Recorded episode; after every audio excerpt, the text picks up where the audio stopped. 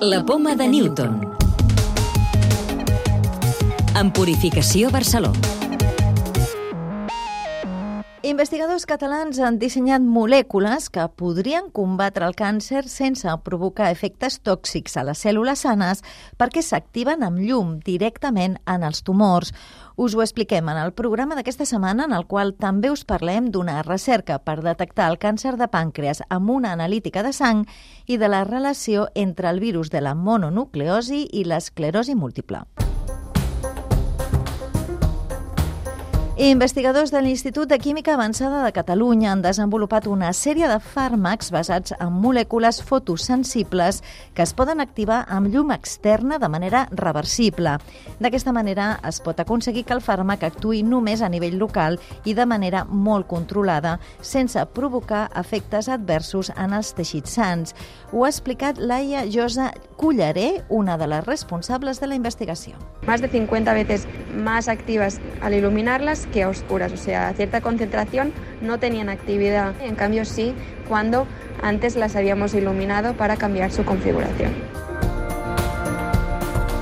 En el futuro iluminaríamos la zona del tumor para activar nuestros fármacos en la zona cancerosa sin tener efectos secundarios en el resto del cuerpo. Y si diseñamos moléculas reversibles, pues a medida que van a otros tejidos se va a ir desactivando y por lo tanto no vamos a tener efectos tóxicos. Aquests investigadors han utilitzat per primera vegada llum verda, que no és perjudicial per als teixits, i han provat els resultats en diferents tipus de tumors. Escogimos cuatro líneas celulares representativas de cervix, de mama, de colon y de leucemia y confirmamos que a oscuras no tienen ningún efecto, o sea, las células de cáncer siguen creciendo y en cambio si las iluminamos disminuimos la habilidad de las líneas celulares después de 48 horas de tratamiento. La investigació s'ha fet amb cèl·lules al laboratori i el següent pas serà fer assajos in vivo amb peixos zebra o en ratolins.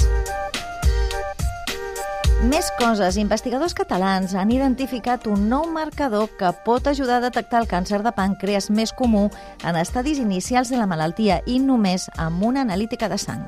La recerca liderada per l'Institut Hospital del Mar d'Investigacions Mèdiques i per l'Institut d'Investigacions Biomèdiques de Barcelona ha permès identificar una proteïna present a les cèl·lules tumorals que també entra al corrent sanguini gairebé des de l'aparició del tumor.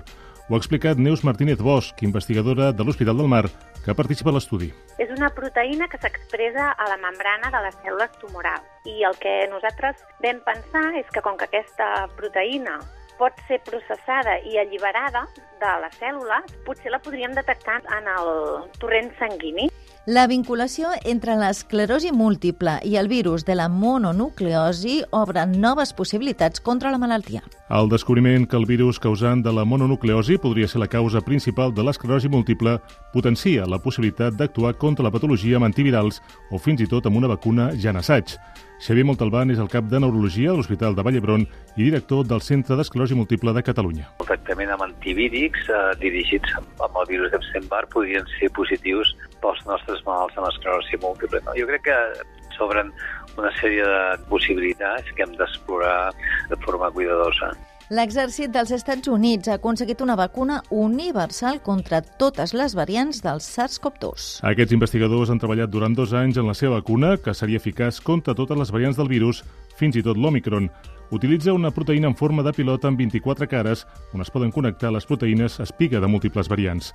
De moment, la vacuna s'ha provat només en persones no vacunades i ara caldrà veure si es demostra eficaç també en les vacunades o bé que s'hagin passat ja la malaltia. Llibres de ciència. Aquesta setmana us proposem un llibre d'un reconegut divulgador i Premi Pulitzer. Cartes a un jove científic de l'expert mundial en biodiversitat Edward Wilson posen en evidència tot el que encara desconeixem sobre les espècies que habiten el nostre planeta.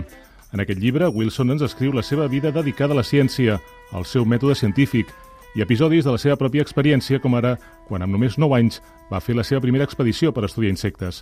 En forma de cartes, Wilson ens endinsa en l'aventura de la ciència i dels descobriments, amb consells també per a tots aquells que es vulguin dedicar a alguna branca de la recerca.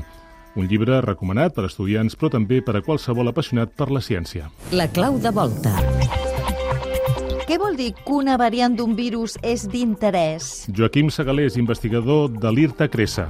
Vol dir que és una variant de la qual tenim poca informació i, per tant, el que és important és generar més recerca per poder caracteritzar aquest tipus de variant a tres grans nivells.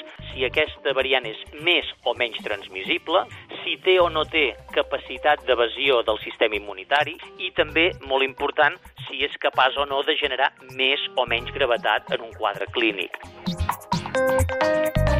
Recordeu que podeu descarregar-vos el podcast de la Poma de Newton o subscriure-us al programa per rebre'l directament als vostres dispositius.